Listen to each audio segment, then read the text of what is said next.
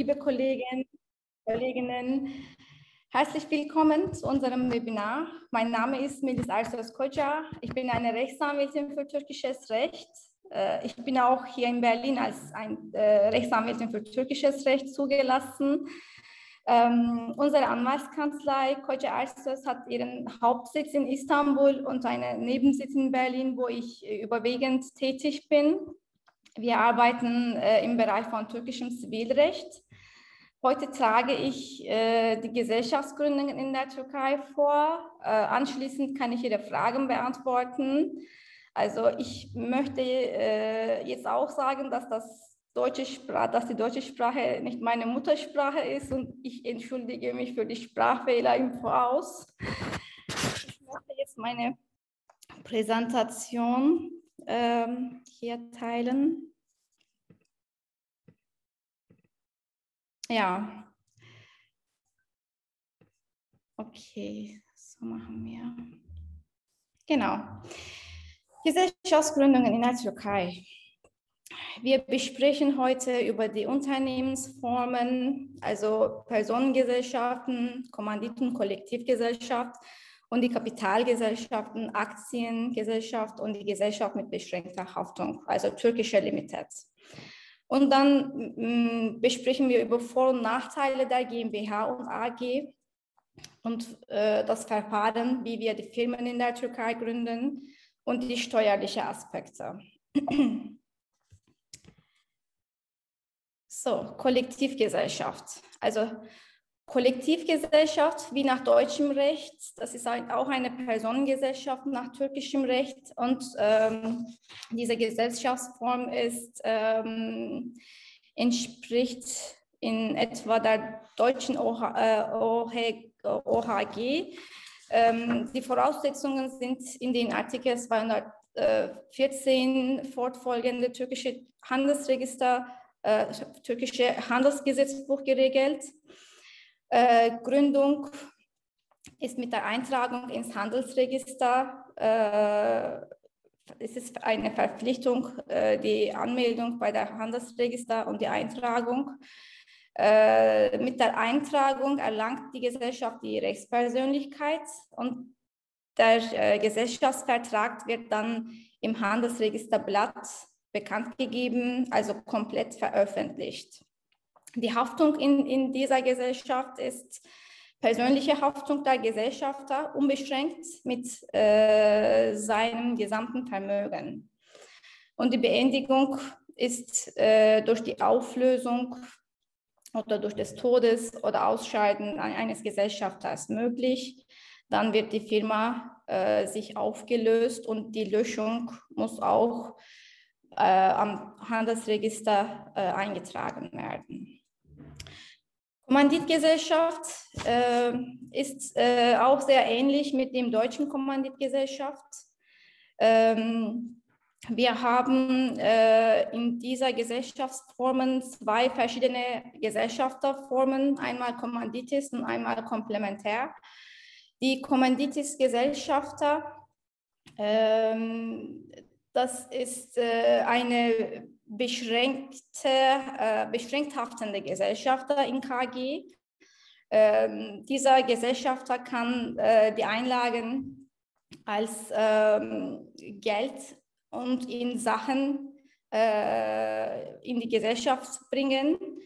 Äh, dagegen ist die Komplementärgesellschaft äh, ist äh, ein Gesellschafter wie, wie in Kollektivgesellschaft äh, der haftet sich äh, unbeschränkt persönlich mit seinem äh, persönlichen Vermögen und äh, Komplementärgesellschafter kann auch äh, seine Arbeitskraft als äh, Einlage in die Gesellschaft bringen. Und Komplementärgesellschafter kann nach türkischem Recht nur natürliche Personen sein. Das ist auch ein Unterschied mit dem deutschen KG. Ähm, und die ähm, Kapitalgesellschaften. Wir haben eine Aktiengesellschaft, Anonym Şirket ins, äh, äh, nach türkischem Recht. Äh, Anonym Şirket, also die türkische Aktiengesellschaft, kann man äh, mit einem einzelnen Gesellschafter gründen. Äh, und dieser Gesellschafter kann äh, juristische oder natürliche Person sein. Ähm, wir erstellen einen Gesellschaftsvertrag, genau wie in Deutschland. Und äh, das wird dann beim Handelsregister oder beim Notar beglaubigt. Dann wird das beim Handelsregister angemeldet und äh, der Vertrag, Gesellschaftsvertrag wird dann komplett veröffentlicht und bekannt gegeben und so, dass die Eintragung äh, erfolgt. Also einige Gesellschaftsformen, also einige äh, Gesellschaften, also äh, Banken und Finanzierungsgesellschaften in der Türkei, auch die Leasingsgesellschaften müssen als AG gegründet werden. Sie können nicht als GmbH gegründet werden. Es gab auch, äh, es war auch genauso für die Versicherungsfirmen in der Türkei. Aber seit kurzem gibt es keine AG-Zwang für die Versicherungen in der Türkei. Stammkapital muss mindestens 50.000 türkische Lira sein. Bei nicht registrierten äh, AGs in der Türkei, das heißt, wenn die Firma sich in die Börse äh, gehen möchte, dann muss das auch äh, registriert im Kapitalsystem sein und das Mindestkapital ist dann in diesem Fall 100.000 türkische Lira. Weil das kann auch als Sachanlage, Sacheinlage äh, in die Gesellschaft gebracht werden. Der Wert ist dann gerichtlich begutachtet. Äh, bei Barbezahlungen aber äh, Zahlen äh, ist also äh, mindestens 25 Prozent des Stammkapitals sind zu zahlen, also zu hinterlegen. Und den Rest muss auch innerhalb von zwei Jahren komplett bezahlt werden. Die wichtigste Organe der Aktiengesellschaft ist die Hauptversammlung und der Vorstand. Also die Hauptversammlung ist, die, ist das Beschlussorgan im AG, im türkischen AG das wird äh, also einmal im Jahr äh, wird das gesammelt, äh, meistens äh, innerhalb von äh, drei Monaten äh, beim Abschluss des jeweiligen Betriebsjahres. Aber außerordentliche Hauptversammlung ist ja auch möglich, je nach Bedarf unter vorheriger rechtzeitiger Ankündigung. Ähm, also die, ähm, die Hauptversammlung besteht aus äh, die Aktionäre. Das ist ja klar. Der Vorstand ist die Vertretungsorgan bei dem türkischen AG. Die Wahl durch die Hauptversammlung.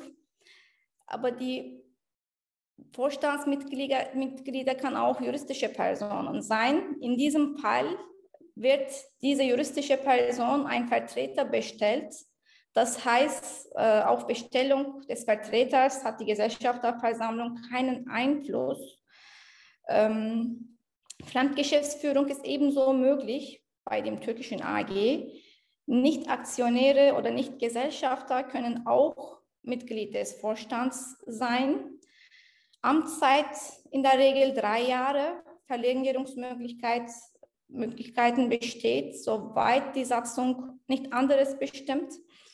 Eine Residenzpflicht besteht nicht. Äh, auch eine Pflicht zur Bestellung eines türkischen Staatsangehörigen in den Vorstand besteht seit langem nicht mehr. Ähm, wie ist die Haftungsproblematik äh, bei, bei, bei der Aktiengesellschaft? Also die Gesellschafter, Aktionäre haften sich mit dem Gesellschaftsvermögen. Äh, es gibt natürlich eine strafrechtliche Haftung der Vorstandsmitglieder für unerlaubte Handlungen oder bei Verstoß gegen bestimmte Pflichten. Geld- und Freiheitsstrafen sind in diesem Rahmen auch möglich. Ähm, selbst bei öffentlichen Forderungen ist eine Haftung der Gesellschafter ausgeschlossen. Also dagegen haften sich die Vorstandsmitglieder. Ähm, die Gesellschaft haftet sich äh, für jegliche Verbindlichkeiten sowie auch für Steuer, Steuerstrafen, Prozesskosten, Abgaben äh, mit dem Gesellschaftsvermögen. Grundkapital abzugrenzen von dem Gesellschaftsvermögen. Äh, Grundkapital hat Bedeutung für die Bilanz und entsprechende äh, Gewinnausschüttung, also Verteilung der Gewinne.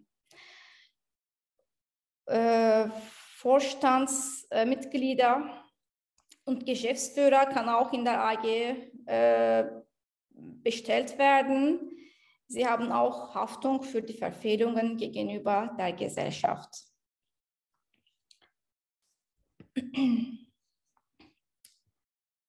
Und die meistgewählte Form ist eigentlich äh, GmbH nach türkischem Recht. Also äh, hier ist die Gründung sowohl durch natürliche als auch juristische Personen möglich. Mindestens eine, höchstens 50 Gesellschafter, natürliche oder juristische Personen erforderlich. Hier erstellen wir auch einen Gesellschaftsvertrag äh, mit Gegenstand, mit, der, mit, dem Sitz der Gesellschaft, äh, meistens unbeschränkte, äh, für unbeschränkte Zeitraum. Und ähm, Seit zwei Jahren wird das nicht mehr beim Notar beglaubigt, sondern direkt beim Handelsregister in der Türkei, wo der ähm, also zuständige Handelsregister ist natürlich, wo, ihr, wo, das, wo die Firma ihren Sitz hat. Der Vertrag, äh, Gesellschaftsvertrag wird dann auch komplett veröffentlicht im Handelsregisterjournal. So wird bekannt gegeben und eingetragen. Nach der Eintragung hat die Firma dann die Rechtsfähigkeit, also die Geschäftsfähigkeit. Stammkapital muss minimal 10.000 türkische Lira betragen, Einzahlung in Bar oder in Sachen möglich, Verpflichtung des Gesellschafters zur vollständigen Einzahlung der jeweiligen Anlage. Seit kurzem ist es auch keine Voraussetzung für die Gründung, dass man vorher das Bankkonto eröffnet und ein Teil oder äh, vollständig das Kapital einbezahlt. Also seit kurzem haben wir keine Frist mehr dafür. Wir gründen einfach die Gesellschaft äh, ohne Bankkonto. Äh, das ist also äh, zu vergleichen mit der AG. Natürlich, da haben wir 25 Prozent, also mindestens müssen wir 20 Prozent des Stammkapitals in das Geschäftskonto einzahlen für die Gründung. Gesetzliche Voraussetzung zur Bildung von Rücklagen von 20 Prozent haben wir bei dem türkischen GmbH und die ähm, Nominalwert der ähm, Anteile müssen mindestens 25 türkische Lira sein. Bei, Kapital, bei der Kapitalerhöhung äh, der türkischen GmbH müssen wir aber das Stammkapital komplett einbezahlen, damit wir die Kapitalerhöhung beantragen können.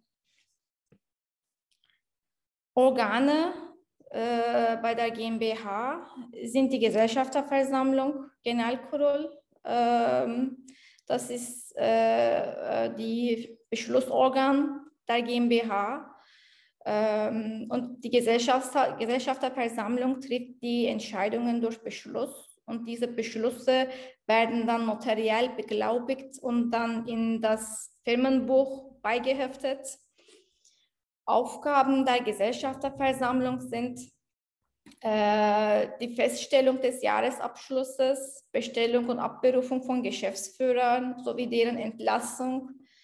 Das heißt also, jedes Jahr müssen, müsst, äh, die Gesellschafterversammlung den Geschäftsführer entlasten oder darüber einen Beschluss, äh, darüber eine Entscheidung treffen bei der Gesellschafterversammlung. Äh, und die Gesellschafterversammlung überwacht die Geschäftsführung, kann auch den Gesellschaftsvertrag ändern und die Übertragung der Geschäftsanteile bestätigen. Und der Geschäftsführer Müdür nach türkischem Recht. Also mindestens ein Geschäftsführer nach türkischem Recht muss, muss auch Gesellschafter sein. Das ist auch ein Unterschied äh, mit dem deutschen GmbH-Recht. Ähm, Der, äh, der Geschäftsführer hat keine Beschränkung der Vertretungsmacht nach außen. Verteilung der Aufgaben grundsätzlich durch den Gesellschafts Gesellschaftsvertrag. Soweit nichts, dann gelten die gesetzlichen Regelungen. Dem Geschäftsführer obliegen alle Aufgaben und alle Kompetenten. Auch juristische Personen können bei der türkischen GmbH ein Geschäftsführer werden. Bestellung eines Vertreters hierzu erforderlich, welcher auch im Handelsregister eingetragen wird. Das ist auch ein Unterschied mit dem türkischen AG. Die Haftung ist auch anders wie in äh, AG. Der Gesellschafter haften sich eigentlich mit dem also in der Regel mit dem Gesellschaftsvermögen, aber für die öffentlichen Forderungen haften sich auch entsprechend ihre Anteile. Das ist auch wichtig im Fall der Insolvenz.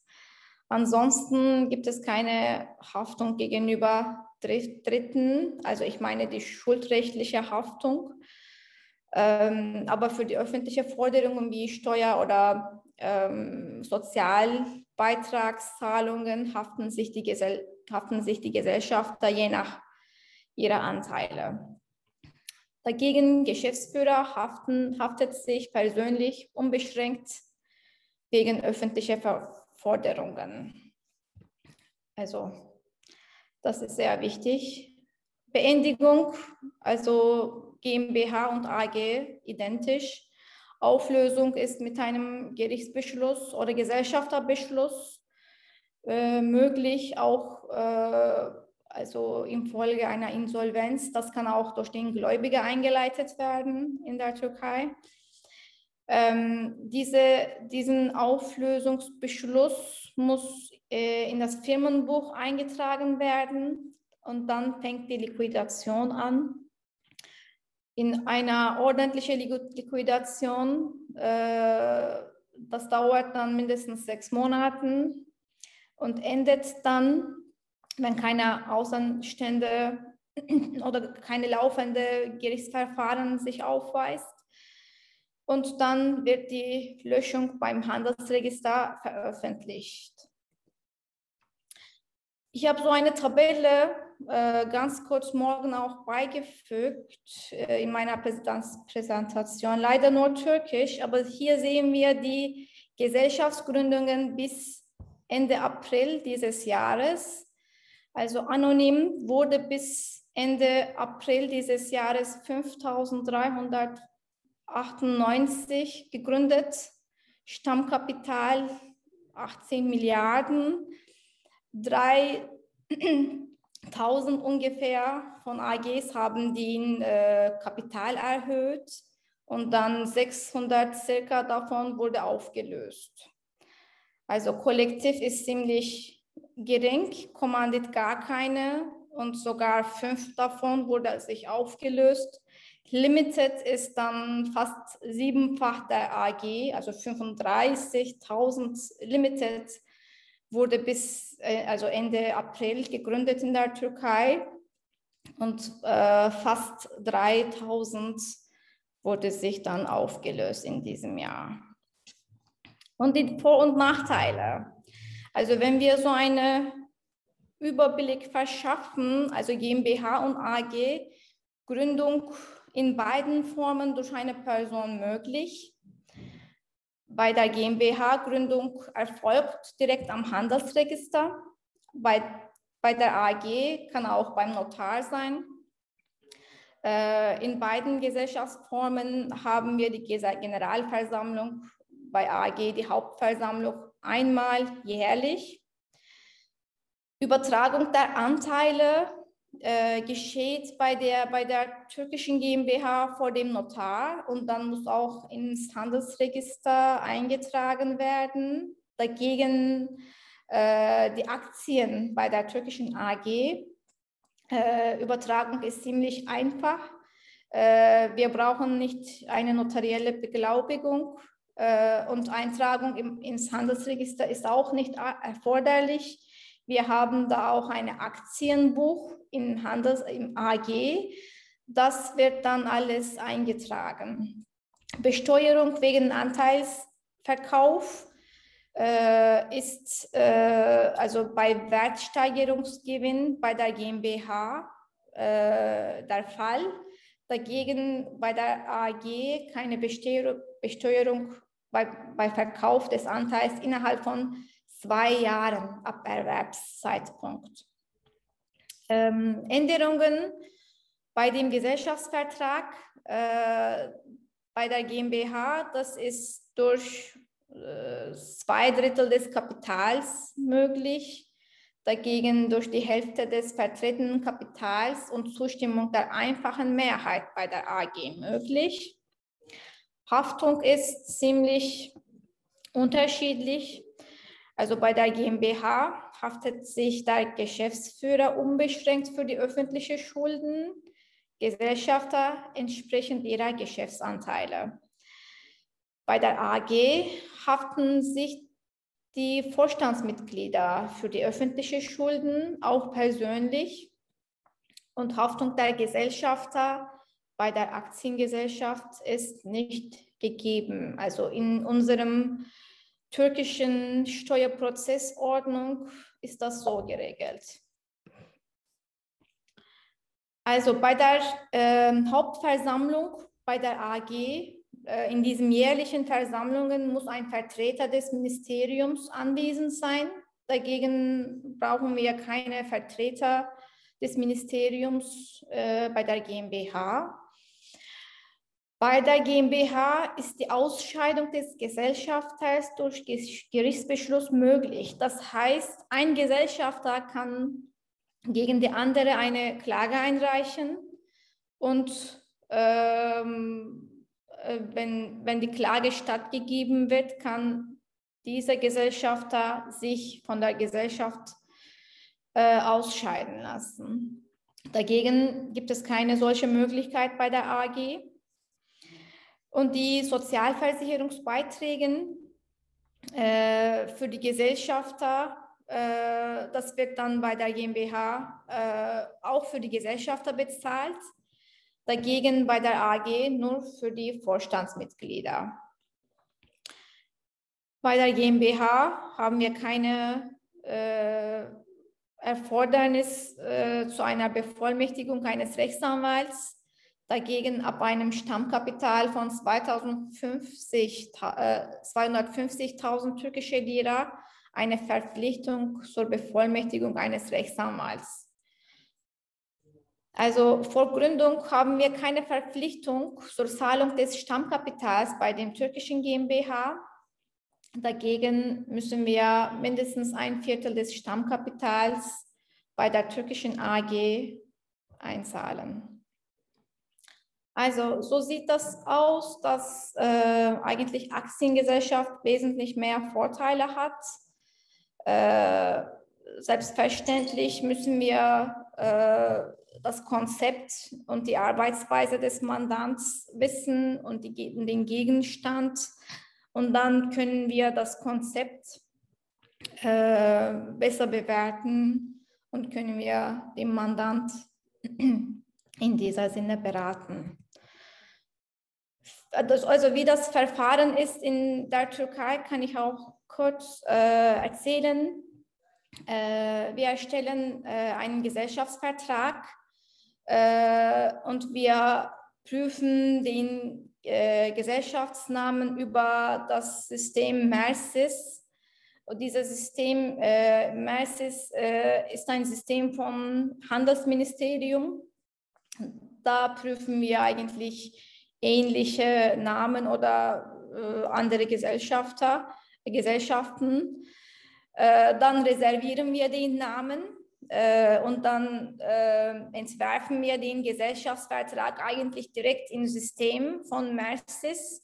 Dann lassen wir das ausdrucken, nehmen wir mit zum Handelsregister mit unserer Vollmacht oder mit dem mit den Gesellschafter. Und das wird dann, äh, die Gesellschaft wird dann dort angemeldet. Und äh, wir holen natürlich vorher eine äh, potenzielle Steuernummer, eine vorläufige Steuernummer für die ausländische Gesellschafter oder ausländische äh, also auch für die juristische Personen als Gesellschafter. Äh, für AG müssen wir auch den Bankbeleg beim Handelsregister vorlegen und eine Zahlung an die Wettbewerbsbehörde in Höhe von 0,4 Prozent des Kapitals. Das ist auch eine erforderliche Zahlung für die Gründung in beiden Gesellschaften.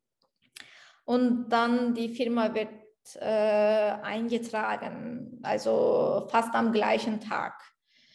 Und dann haben wir eine Frist für die Anmeldung beim zuständigen Finanzamt. Äh, dann äh, haben wir eine Prüfung vom Finanzamt beim Geschäftssitz innerhalb von zwei, drei Tagen. Dann haben wir auch die Steuernummer erteilt. Dann noch eine notarielle Unterschriftsbeglaubigung des Geschäftsführers oder Vorstands ist erforderlich. Das ist so eine Art von Vertretungsurkunde in den türkischen Gesellschaften. Ähm, und dann kann äh, eigentlich das Betrieb beginnen. Ganz äh, grob die steuerlichen Aspekte also ausländische Geschäftsführer, Gesellschafter müssen eine Steuernummer in der Türkei haben.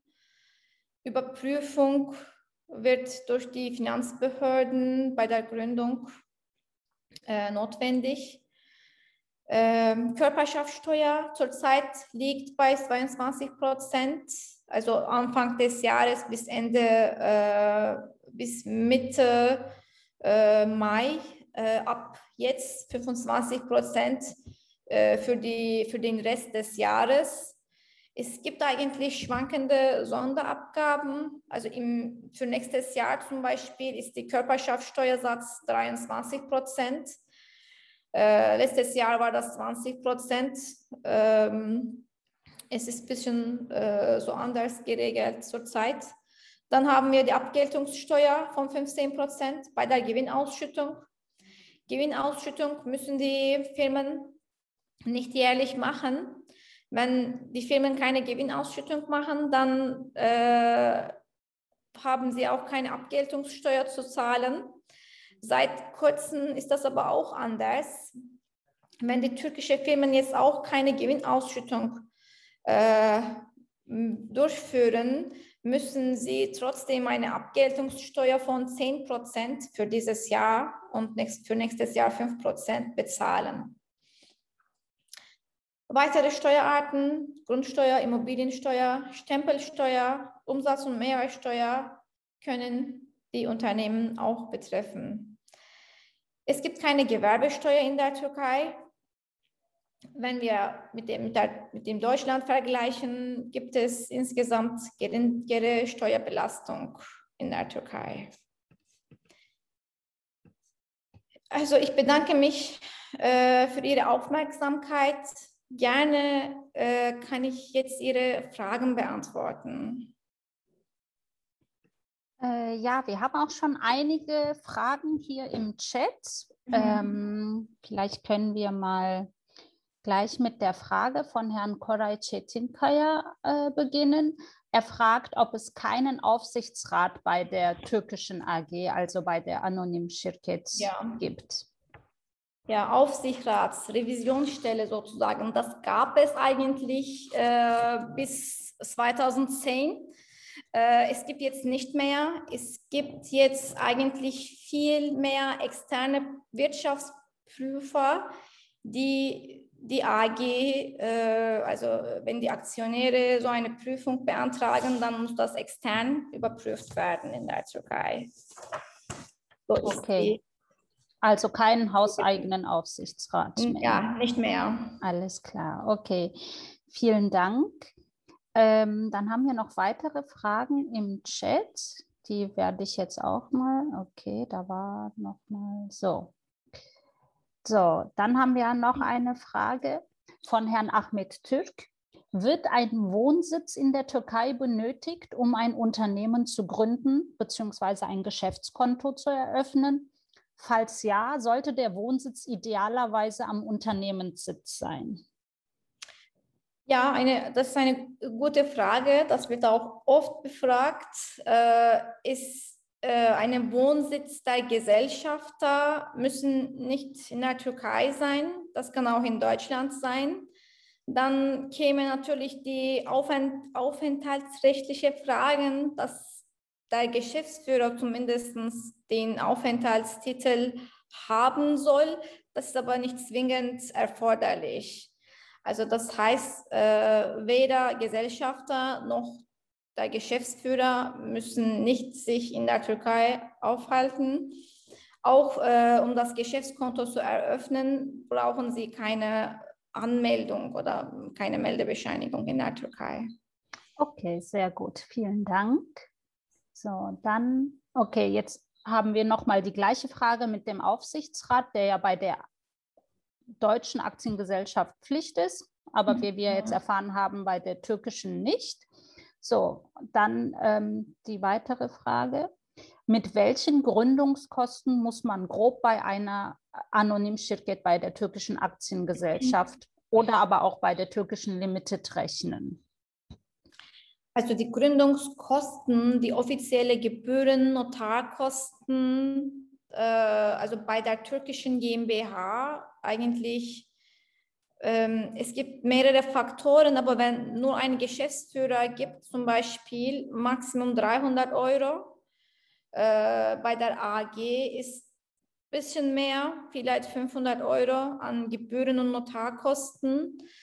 Ähm, also wenn Sie natürlich ähm, zehn Geschäftsführer haben, dann kommen weitere äh, Notarkosten, aber das ist ganz grob äh, so. Okay. Also eigentlich verhältnismäßig gering. Okay, vielen Dank. Genau. Und wie lange dauert die Gründung ungefähr? Also wenn wir alle Unterlagen haben, äh, dauert das ziemlich sehr, also kurz, also maximal drei Arbeitstage, würde ich sagen. Okay, alles klar, vielen Dank. Dann ähm, wäre auch die nächste Frage, ob in der Türkei auch eine selbstständige Niederlassung einer deutschen GmbH gegründet werden kann. Und falls ja, wie sehen dort die Haftungsregeln aus? Ja, ähm, die deutschen äh, Gesellschaften können auch Niederlassungen in der Türkei gründen. Äh, das ist möglich. Die Haftung ist dann, äh, also wenn das ein GmbH ist, für die Zweitniederlassung müssen Sie einen Geschäftsführer erteilen und dann dieser Geschäftsführer haftet sich eigentlich für die äh, öffentliche Forderungen, aber privat gegenüber die Dritten haften sich natürlich äh, die Zweitniederlassung, also auch die Hauptfirma mit seinem äh, Gesamtvermögen. Okay, vielen Dank. Ähm, okay, wir haben noch eine Frage zum Thema türkische Anonymschirkete.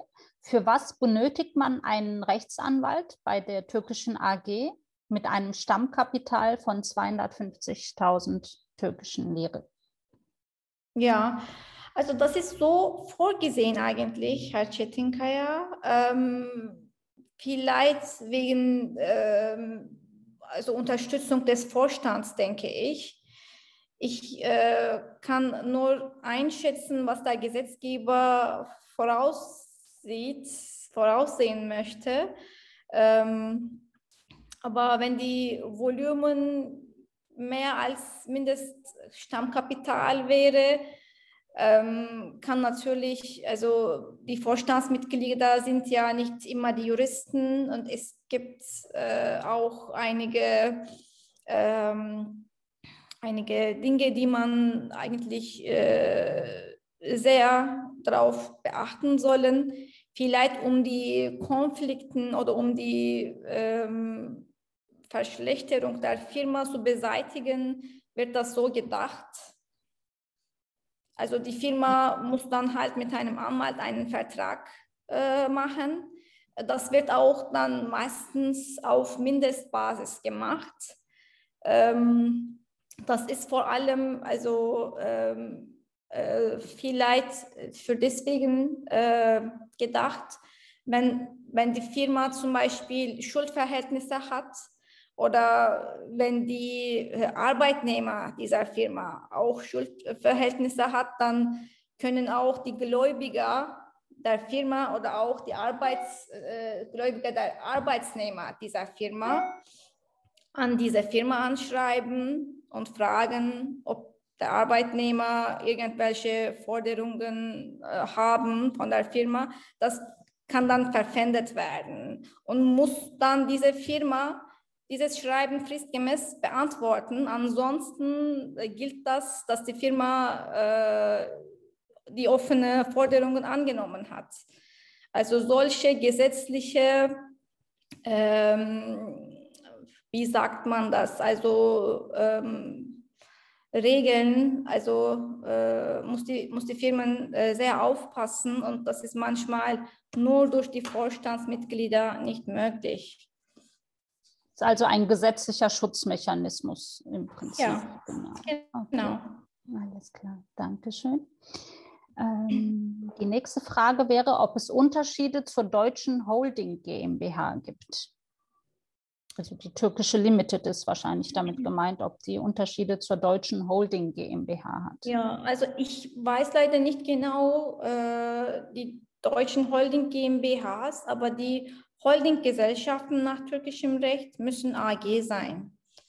Also mehrere AGs gründen Holding als Dach äh, und dann, äh, also es gibt keine GmbH-Holding in der Türkei, also nach türkischem Recht, das würde ich sagen. Aber ich weiß nicht die deutschen Holding GmbHs. Okay. Sorry. Alles klar, danke schön. So, nächste Frage ist, wer muss die Abgeltungssteuer 10% bis 5% bezahlen, obwohl keine Gewinnausschüttung erfolgt. Ist das die genau. Gesellschaft genau. oder der Gesellschafter? Der Gesellschafter zahlt die Abgeltungssteuer. Also das wird dann eigentlich angerechnet, wenn die Firma die Auszahlung macht. Ähm, in den letzten Jahren haben viele Firmen keine Gewinnausschüttung gemacht, weil dann auch keine Kapitalerhöhung der Firma notwendig war. Äh, dann hatte die Stadt keine Abgeltungssteuer mehr äh, bekommen. Und das jetzt zu vermeiden, hat die Stadt mit der neuen äh, Gesetzgebung so angenommen, wenn auch die Gesellschafter keine Gewinnausschüttung, wenn die Firmen keine Ge Gewinnausschüttung machen, müssen sie dann trotzdem diese Abgeltungssteuer teilweise bezahlen. Okay, vielen Dank. So, ähm, okay, die Anschlussfrage habe ich hier im Chat. Ja. Das heißt, der Gesell die Gesellschafter müssen die Steuer vorfinanzieren? Also das ist eigentlich so, dass die Stadt zwingt für die Gewinnausschüttung, weil das hat dann keine Bedeutung, wenn man 10% Steuer bezahlt und dann die, ähm, das Gewinn in der Firma weiterlässt dann wird das wohl weiter Gewinnausschüttung gemacht werden. Okay, alles klar. Vielen Dank. Ähm, Im Augenblick wären das alle Fragen gewesen, die wir im Chat hatten. Gibt es noch weitere Fragen?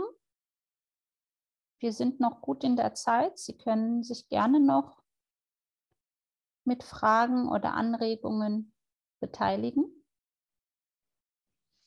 Vielleicht kann ich noch erwähnen, dass diese Residenzpflicht, mhm. dass es nicht mehr gibt. Ähm, es gibt also keine Vorschrift, dass ein Geschäftsführer oder einer der Gesellschafter die türkische Staatsbürger, äh, Staatsangehörigkeit besitzen oder in der Türkei tatsächlich wohnen müssen. Mhm. Ähm, das ist keine Muss. Also deswegen äh, gründen wir auch ganz einfach die Firmen von ausländischen äh, Staatsangehörigen. Mhm. Das ist natürlich eine große Erleichterung. Ähm, wir haben noch eine Frage im Chat. Kennt das türkische Recht auch Grundbesitzgesellschaften? Ne? Ja, ähm, Herr er meint Herr Ertuğran. Mhm. Vielleicht, vielleicht die Gesellschaften, die nur zum Zweck des Erwerbs einer Immobilie gegründet werden. Das ist möglich. Es gibt keine Begrenzung. Vor allem, äh, also es wurde schon viel gemacht, auch äh, eine Immobilie zu erwerben, was eigentlich für Ausländer verboten ist. Also in einigen Gebieten in der Türkei äh, gibt es Ausländererwerbsverbot. Das zu umgehen, äh, wurden äh, auch in den letzten Jahren vielen türkischen GmbHs gegründet, um eine Immobilie zu kaufen. Das, äh, das gibt es. Also das hm. wird gemacht. Okay, vielen Dank. Nochmal eine Frage von Herrn Chetinkaya. Besteuerung, Verkauf Aktienanteile innerhalb von zwei Jahren steuerfrei. Ist das richtig? Die Aktienanteile äh, bei der AG, also wenn man Aktien kauft und dann, wenn man nach zwei Jahren weiterverkauft, gibt es keine Steuerbelastung. Aber wenn man schon in den ersten zwei Jahren das verkaufen würde, dann muss man äh, natürlich eine ja, Einkommenssteuer zahlen. Mhm. Okay, vielen Dank. Äh, nächste Frage ist von Herrn Tarubina. Bei einer Niederlassung einer GmbH in der Türkei, wer zahlt die Personalkosten? Kann auch die GmbH in Deutschland die Personalkosten tragen oder muss das über die Türkei? Ja, ja das ist eine, eigentlich eine buchhalterische Frage. Die äh, Zweitniederlassung einer deutschen GmbH in Istanbul zum Beispiel die hat auch eigenes Bankkonto und ähm, um die Buchhaltung richtig zu führen, muss eigentlich die Hauptfirma auf dieses Konto die laufenden Kosten äh, überweisen und von der türkischen Konto müssen die äh, weitere Zahlungen gemacht werden. So wäre die Buchhaltung richtig. Aber das kann auch anders gemacht werden. Nur wäre dann ein bisschen komplexer, wenn wir diese Zweitniederlassungen auflösen möchten. Mhm. Okay. So, die nächste Frage ist eigentlich eher, glaube ich, an uns, an die türkisch-deutsche IHK gerichtet. Inwieweit wird die Gründung seitens TDIHK unterstützt? Gibt es eine Unterstützung vor Ort? Vielen Dank für Ihre Frage, Herr Küsse. Also es ist natürlich so, wir sind ein Unternehmerverein, ähm, der in Deutschland sitzt. Also wir haben jetzt kein Personal vor Ort in der Türkei, aber man muss ja auch nicht vor Ort sein, um zu unterstützen. Wir unterstützen gerne ähm, mit unseren Kontakten, die wir sowohl in Deutschland als auch in der Türkei haben, breitflächig, weil wir dadurch, dass auch die türkische Kammern- und Börsenunion unser Gründer ist, sowie der Deutsche Industrie- und Handelskammertag, ein breites Netzwerk in Deutschland und in der Türkei haben. Von daher unterstützen wir sehr, sehr gerne, laden in diesem Zuge aber natürlich auch ein zur Mitgliedschaft. Also wer bei uns Mitglied ist, kann äh, sehr viel und sehr gerne äh, von uns äh, profitieren. Von daher können Sie sich gerne auch im Anschluss nochmal mit uns in Verbindung setzen oder wie wir mit Ihnen, auch gerne in einem Videochat. Ähm, wir sind gerne behilflich, soweit wir können. Vielen Dank. Gibt es noch weitere Fragen? Vielleicht können wir noch äh, erinnern, dass wir auf der Webseite von TDIHK so eine Art von äh, Vorgehensweise der mhm. Gründung einer türkischen äh, Gesellschaft haben und auch die Vor- und Nachteile-Liste, äh, um zu vergleichen. Das können Sie dann auch äh, mal runterladen und äh, gucken, und wenn Sie Fragen haben, können Sie dann uns gerne äh, per E-Mail schreiben. Genau. Also ich versende das gerne im Anschluss an die, an die Teilnehmer, den Link ähm, mit den Unterlagen, die Sie uns freundlicherweise zur Verfügung gestellt hatten, Frau Kutter. Ähm, ja. Gibt es noch weitere Fragen? Falls ja, können Sie auch gerne kurz die Hand heben, bevor wir, damit wir Ihnen noch die Zeit lassen, Ihre Frage zu formulieren? Das scheint nicht der Fall, aber es waren ja sehr viele Fragen, sehr viele Antworten. Vielen Dank für die Interaktion. Und vielen Dank Ihnen, Frau Ersos-Koja, für den Vortrag, für die Beantwortung, die umfangreiche Beantwortung der Fragen. Es war uns mal wieder eine große Freude. Und ähm, in diesem Sinne, wie gesagt, im Anschluss an die Veranstaltung versenden wir gerne die Links, auch mit den Kontaktdaten von Frau Ersos-Koja. Und ähm, gegebenenfalls können Sie sich dann mit ihr oder mit uns sehr gerne in Verbindung setzen. Herzlichen Dank allen Zuhörern. Vielen Dank, Frau Ersos-Koja. Vielen Dank für die Organisation. Sehr, sehr gerne. Herzliche Grüße. Vielen Dank.